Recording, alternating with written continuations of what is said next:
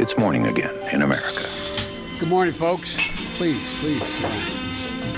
Come on, let's go. Let's go get some coffee. Thank you very much. Det er mandag 30. april, og morgenkaffen fra amerikanskpolitikk.no er servert. I helgen gikk den årlige korrespondentmiddagen av stabelen i Washington DC, og for andre år på rad så valgte president Donald Trump ikke å delta på denne middagen.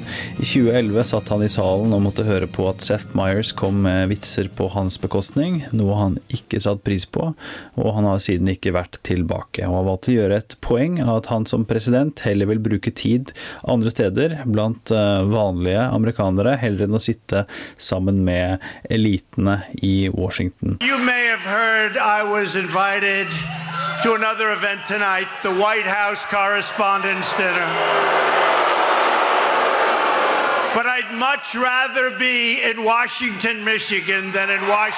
Komikeren på årets eh, White House Correspondence Dinner var eh, Michelle Wolff, eh, og hun har senere fått kritikk for tidvis vulgær humor på bekostning av flere kvinner i Trump-administrasjonen, deriblant Hvite hus sin pressesekretær Sarah Huckabee Sanders. Vi kan høre en av vitsene her. I actually really like Sarah. I think she's very resourceful.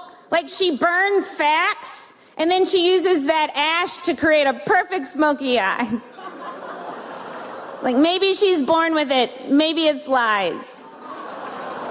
It's probably lies. Og Wolf kritiseres for å ha vært eh, nokså personlig og ufin, men altså, slike vitser har man jo også hørt i tidligere utgaver av denne korrespondentmiddagen, eh, uten at kritikken har vært eh, helt den samme. Og så er det jo da mange som påpeker en, eh, en dobbeltmoral her, ettersom jo Trump selv og hans egen valgkamp gikk til lignende angrep i løpet av 2016-valgkampen. Og du kan se da en rekke twittermeldinger som påpeker dette i dagens utgave av Morgenkaffen, som du finner på amerikanskpolitikk.no. Annet da John Farrow, som har et poeng her om at media velger å fokusere på kritikken mot eh, Michelle Wolff og hennes eh, vitser, framfor å høre på det hun sa helt i slutten av sin tale, eh, nemlig som går på at mennesker i Flint, Michigan fortsatt ikke har rent drikkevann, og at Washington da ignorerer dette problemet. Og Washington svarer jo da med denne debatten. John Favreau, Obamas tidligere taleskriver, kommenterer da 'perfect'. På amerikanskpolitikk.no så kan du i dag også lese om at Donald Trump og Kim Jong-uns eh, møte nærmer seg. Du kan lese om at Trump fornærmet Paralympics-utøvere og funksjonshemmede i helgen. Og til slutt så kan du lese om at Ronny Jackson ikke kommer tilbake til Det hvite hus som Trumps personlige lege. Ronny Jackson var jo da Donald Trumps eh, nominerte til å ta over krigsveterandepartementet, Department of Veterans Affairs.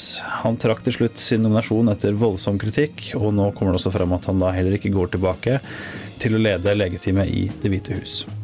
Dagens utgave av Morgenkaffen er servert av Caroline Heien og undertegnede Are Togolklatten. Hyggelig du hører på, og så snakkes vi i morgen.